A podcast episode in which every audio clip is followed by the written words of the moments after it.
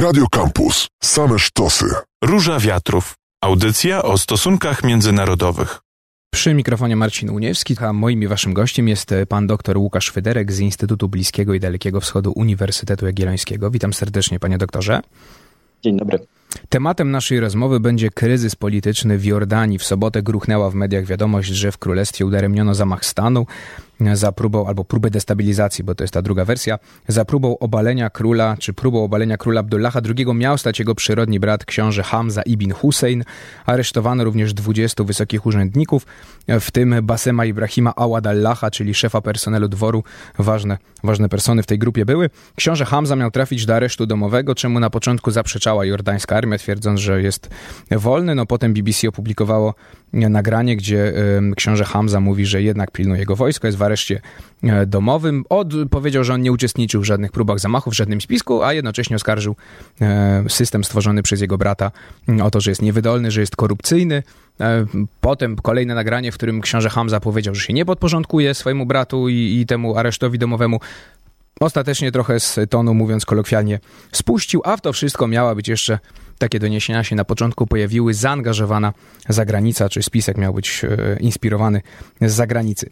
I teraz, panie doktorze, tak, zadam panu kilka pytań, które nam trochę tą sytuację rozjaśnią i na końcu poproszę pana o podsumowanie, czy to był zamach stanu, albo próba zamachu stanu, która się nie udała, czy jednak to była mm, taki wewnątrzpałacowo-rodzinny spór między księciem a, a jego bratem. No i właśnie, pierwsze pytanie, panie doktorze, w takim razie, kim jest książę Hamza ibn Hussein, który no, miał stać za tą próbą destabilizacji, zamachu. To jest przyrodni brat króla, od dwa, do 2004 roku teoretycznie następca tronu. To się jednak zmieniło, tej funkcji pozbawił go właśnie król Abdullah II, więc mamy dwie, dwóch bohaterów tego dramatu i teraz pana poproszę o nakreślenie sylwetki. Najpierw e, księcia Hamzy, a potem słów kilka pewnie też o królu Abdullahu.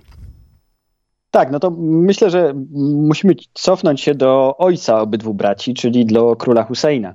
E, który mm, rządził Jordanią e, przez burzliwą drugą połowę XX wieku i który jest e, mm, wspominany z nostalgią. On miał cztery żony, nie równocześnie, tylko jakby w sekwencji.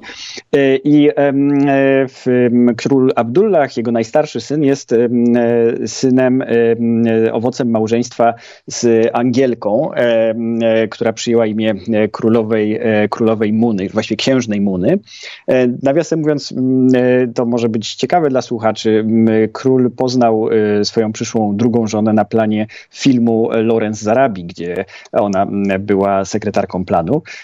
W, e, I z owocem tego małżeństwa był właśnie między innymi król Abdullah jeszcze jeden, on miał, on miał jeszcze młodszego brata. Następnie król się rozwiódł, pojął, pojął za żonę królową, królową Alię, która zginęła w tajemniczych okolicznościach i jego czwartą żoną była królowa Nur, czwartą i ostatnią, której najstarszym synem z kolei jest Hamza. E, I tutaj, e, I tutaj dochodzimy do tego momentu, kiedy król Hussein umiera w 1999 roku i wyznacza e, na dwa tygodnie przed swoją śmiercią skądinąd na następcę tronu swojego najstarszego syna króla Abdullaha, ale wyrażając jednocześnie życzenie, żeby z kolei kolejnym następcą tronu, czyli, czyli mm, nie, został, e, nie został nikt inny jak, jak książę Hamza.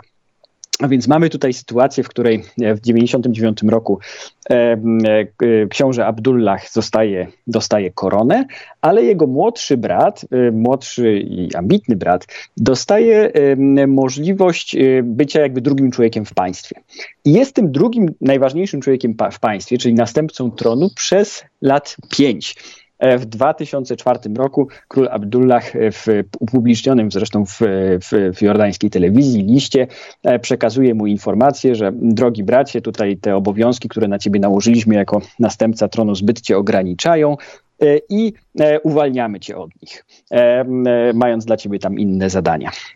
I to jest ten moment, kiedy Hamza traci władzę, natomiast kontynuuje swoją karierę w, w armii jordańskiej, ponieważ warto dodać, że tutaj jordańska rodzina panująca to jest właściwie najbardziej wojownicza, czy najbardziej zmilitaryzowana z wszystkich rodzin królewskich aktualnie na świecie. Właściwie wszyscy męscy potomkowie tej, tutaj te, tego rodu są, są wykształconymi wszechstronnie wojskowymi, są wykształconymi mm, dobrze wojskowymi, to znaczy mm, w, w, w brytyjskich akademiach e, wojskowych. E, I, mm, e, I to jest ten moment, kiedy, kiedy książę Hamza zaczyna realizować inne projekty, jest aktywnym wojskowym w stopniu, dochodzi do stopnia generała brygady, następnie to realizuje projekty takie biznesowo-militarne, w tym odpowiada za szkolenie wojsk irackich, współpracuje tutaj z biznesmenami izraelskimi, też z, z, z Ericiem Prince'em, w, w, z, z, tym biznesmenem amerykańskim, który jest jakby królem tych najemniczych kompanii, prawda, które zrobiły duże pieniądze w Iraku. E, e, I, e, no i piastuje cały szereg urzędów honorowych. Jednocześnie coraz bardziej ostatnimi laty krytykuje E, system władzy w, w Jordanii. E, e, w szczególności w, ma duże poparcie i duży posłuch pośród mm, tej części społeczeństwa jordańskiego, która, która jest bardziej taka plemienna, bardziej, bardziej beduińska, w której, w której mocniejsze są te właśnie tradycje. I tam książę Hamza znajduje słuchaczy. Nie robiąc z tego zresztą tajemnicy, on spotyka się z liderami plemiennymi, krytycznymi wobec, wobec mm, systemu władzy i dość publicznie e, krytykuje system e, który stworzył jego brat, e, czy też może nie stworzył, bo którego, którego, na czele którego stoi jego brat, król król Abdullah. A więc tak w bardzo dużym skrócie wygląda, wygląda tło tego, tego sporu.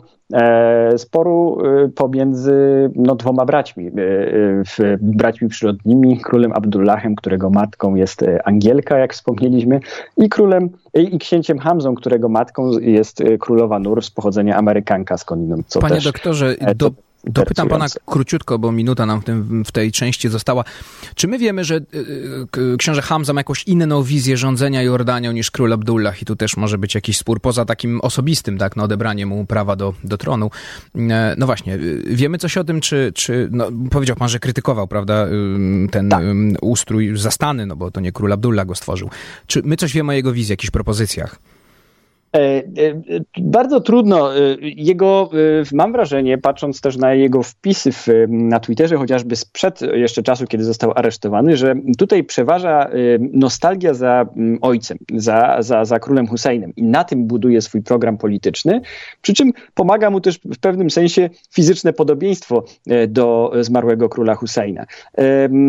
Ja nie widzę tutaj daleko idących jakichś, czy też rewolucyjnych pomysłów ustrojowych. Y, Hamza nie nawołuje, nie wiem, do powstania republiki. Jest, y, podkreśla wierność y, dziedzictwu Haszymitów. Robił to też jeszcze przed aresztowaniem.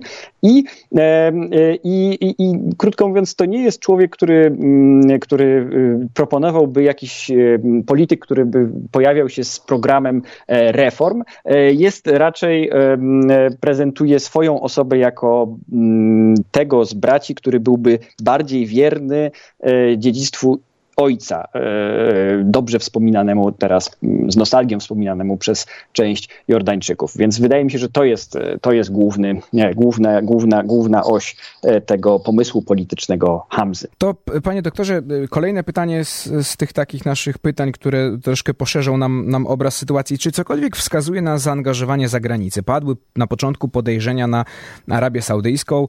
Mm, wspomniany przeze mnie Basem Ibrahim Awadallah, szef personelu dworu, ma bliskie relacje z dworem saudyjskim, z księciem Mohammedem bin Salmanem.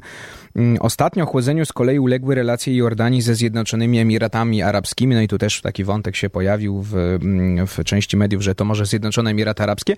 No i jest ta trzecia opcja, ta, ta trzecia grupa ekspertów, która twierdzi, że zagranicy wcale nie zależało na destabilizowaniu sytuacji w Jordanii, bo wszystkim jest na rękę stabilny rząd króla Abdullaha. Pytanie do pana, czy, czy y, mogła zagranica w jakiś sposób y, inspirować, czy pomagać y, księciu Hamzie, czy, czy to jest raczej wykluczone? Wykluczyć tego z całą pewnością nie możemy, natomiast wydaje się to mało prawdopodobne na takim, na takim strategicznym poziomie. Jak pan redaktor wskazał, wszyscy główni, kluczowi aktorzy w regionie są zainteresowani raczej stabilnością Jordanii.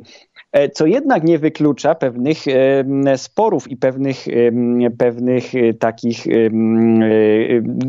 konfliktów, chociażby o interesy, do których dochodzi do, pomiędzy rozmaitymi graczami regionalnymi, także na terenie Jordanii.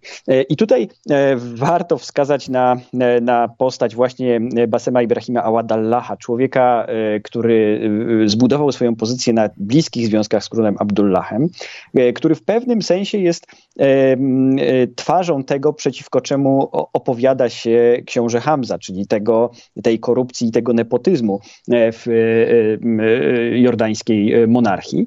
I Awadallah jest ciekawy, ponieważ on ma obywatelstwo jordańskie, obywatelstwo saudyjskie, ale też ma bardzo bliskie relacje w Zjednoczonych Emiratach Arabskich, prowadzi rozgałęzione interesy też w Izraelu. Jednym z takich najbardziej, można powiedzieć, osobliwych e, interesów, w których Awadallah był zainteresowany, było pośredniczenie w wykupywaniu ziem e, na terenie Izraela i e, autonomii palestyńskiej wokół Jerozolimy. I te, te, transakcje, w te transakcje były zaangażowane kapitał, zaangażowany był kapitał emiracki.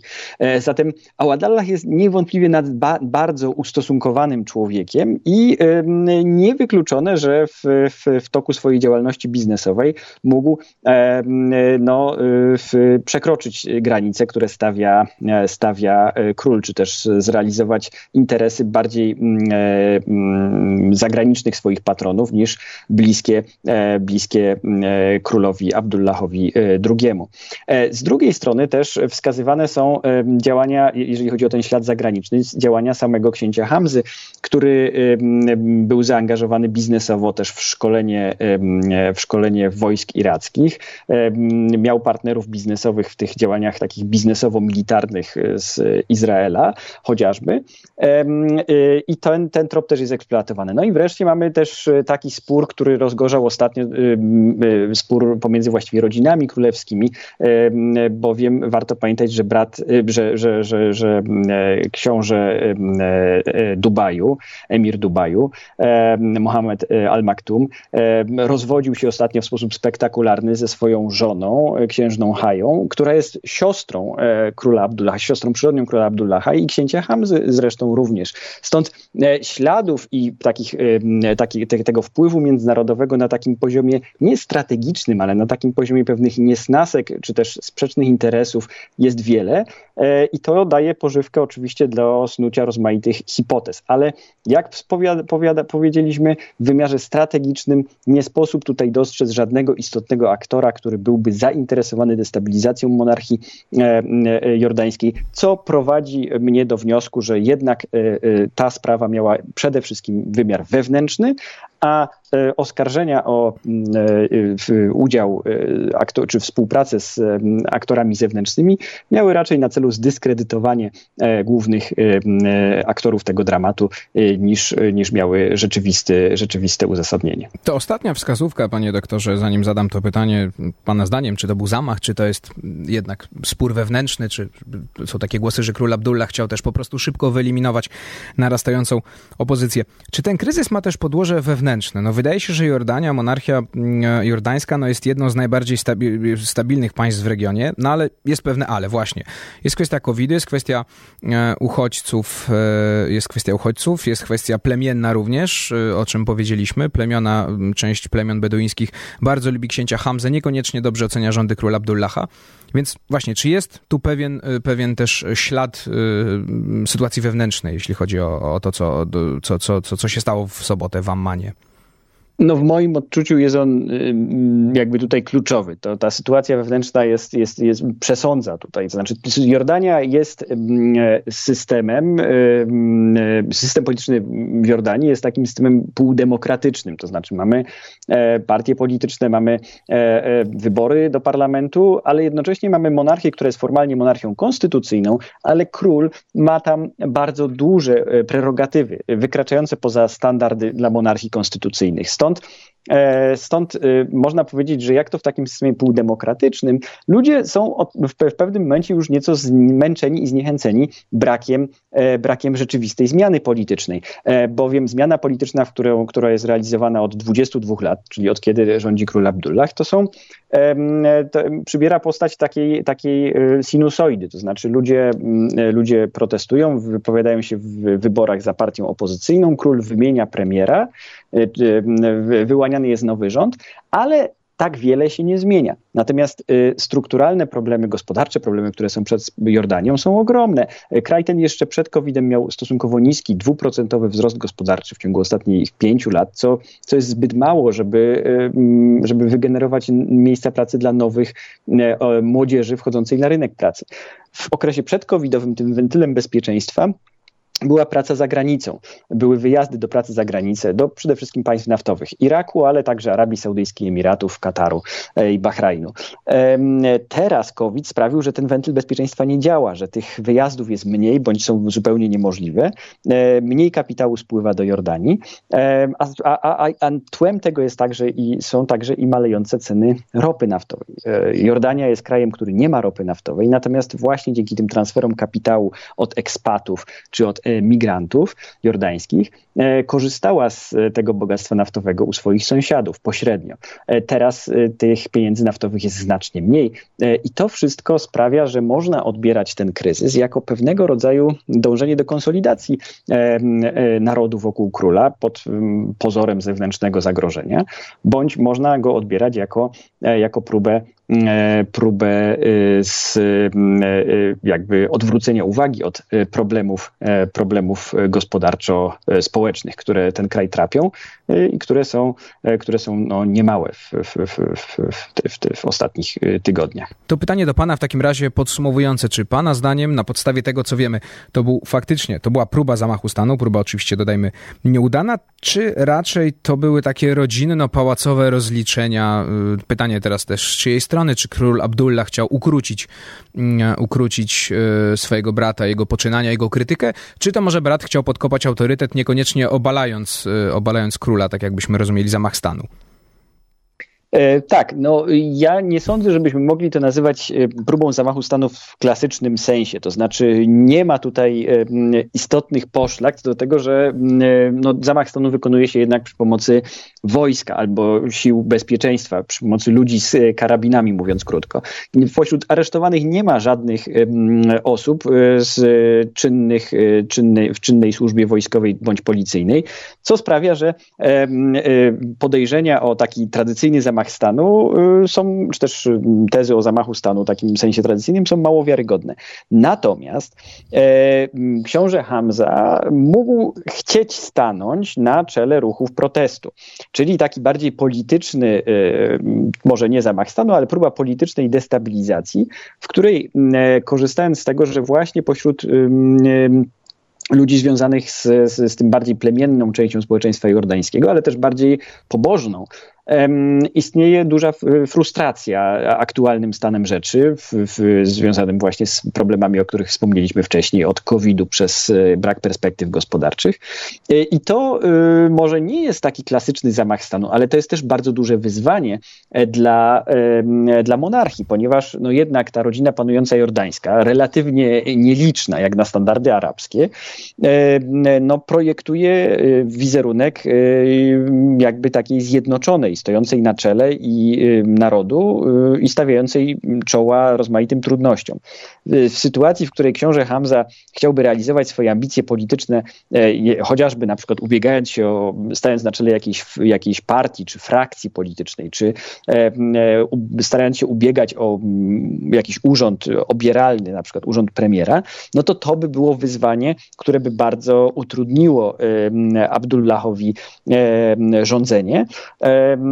I e, tak postrzegam ten ruch jako ruch zapobiegający nie zamachowi stanu w sensie militarnego zamachu stanu, a raczej takiemu politycznemu ruchowi protestu, który by mógł zyskać ogromne, ogromną popularność w sytuacji, w której na czele jego stanąłby członek e, rodziny królewskiej. E, I to byłoby wyzwanie, i właśnie temu wyzwaniu wydaje się, że za, e, za, Abdullah. Dodajmy, uderzając jednym kamieniem w dwa ptaki, to znaczy jednocześnie z Hamzą, aresztując też ludzi, takich jak Awadallah, e, którzy w dużym stopniu odpowiadają za te niepopularne e, e, cechy systemu rządów w Jordanii, czyli korupcję, nepotyzm, etc. Zatem jednocześnie aresztując krytyka nepotyzmu, popularnego Hamze i niepopularnego Awadallah, no Abdullah jakby zlikwidował, czy też taki, taki był zamysł zapewne, obydwa źródła potencjalnych wyzwań, ale wyzwań, dodajmy, politycznych, a nie takich militarnych. E, Panie swojego, doktorze, to na końcu, na końcu w takim razie krótko bym prosił. Powiedział pan zlikwidował, oczywiście w, w cudzysłowie zlikwidował, ale na ile trwała jest ta likwidacja? Też używam cudzysłowia, mm, cudzysłowu. Yy, chodzi mi o to, co teraz, bo trwają mediacje. Wuj obu, obu panów, czyli króla Abdullaha i księcia Hamzy, próbuje mediować. Książę Hamza troszkę spuścił stonu, jeśli chodzi o te swoje komunikaty, że jest gotowy już podporządkować się, czy, czy dojść do porozumienia. O co mi chodzi? Czy y, y, y, książę Hamza na stałe albo na lata trafi do takiej złotej klatki, czyli aresztu domowego gdzieś w pałacu, a urzędnicy tych, tych 20 osób do więzienia? Czy to się jednak rozejdzie po kościach w sensie takim, że oni, nie wiem, no, zostaną upomnieni, zostaną w jakiś taki może bardziej symboliczny sposób ukarani i, i król Abdullah spróbuje tą sytuację po prostu wyciszyć i nie wyciągać jakichś konsekwencji większych wobec, wobec no, buntowników i też używam tutaj dużego mhm. Y, mamy tutaj e, oczywiście e, e, przewidywanie tego jest trudne, natomiast warto przywołać wcześniejsze konflikty w rodzinie Haszymitów, w rodzinie rządzącej w Jordanii. Chociażby człowiek, który został mediatorem w tym konflikcie, czyli książę Hasan, stryj obu króla i Abdullaha i księcia Hamzy. To jest człowiek, który był w podobnej sytuacji jak książę Hamza, to znaczy to był młodszy brat urzędującego króla Husajna, który bardzo często się z nim nie zgadzał i który też przez pewien czas był następcą tronu i został tego pozbawiony. Stąd y, rola tego mediatora, właśnie księcia Hasana, jest potężna. No, w, ostatecznie ta, ta historia, która działa się pokolenie wcześniej, zakończyła się e, w pewnym sensie dobrze dla obydwu braci, bo e, książę Hasan zaakceptował e, przywództwo swojego starszego brata i niejako wymyślił się na nowo jako intelektualista w świecie arabskim, to znaczy znalazł dla siebie pewną niszę działania, w, takiego, które nie było sprzeczne z jordańską racją stanu otwarte jest pytanie, jak ambicje polityczne Hamzy pogodzić z systemem e, rządów e, jordańskich, który nie znajduje miejsca dla takiego, e, dla takiego polityka, który byłby jednocześnie członkiem rodziny królewskiej. To jest sprawa otwarta i to jest, to jest, to jest pytanie, czy, czy, czy Hamzie uda się wymyślić się siebie na nowo. I to tym, też ból głowy, ból głowy króla Abdullaha pewnie drugiego. Doktor Łukasz Fyderek był moim i waszym gościem. Doktor Łukasz Fyderek, Instytut Bliskiego i Dalekiego Wschodu, Uniwersytet Jagielloński. Bardzo dziękuję panie doktorze za rozmowę. Dziękuję. To była Róża Wiatrów, ja się nazywam Marcin Uniewski, a my się słyszymy oczywiście w środę za tydzień. Radio Campus. Same sztosy.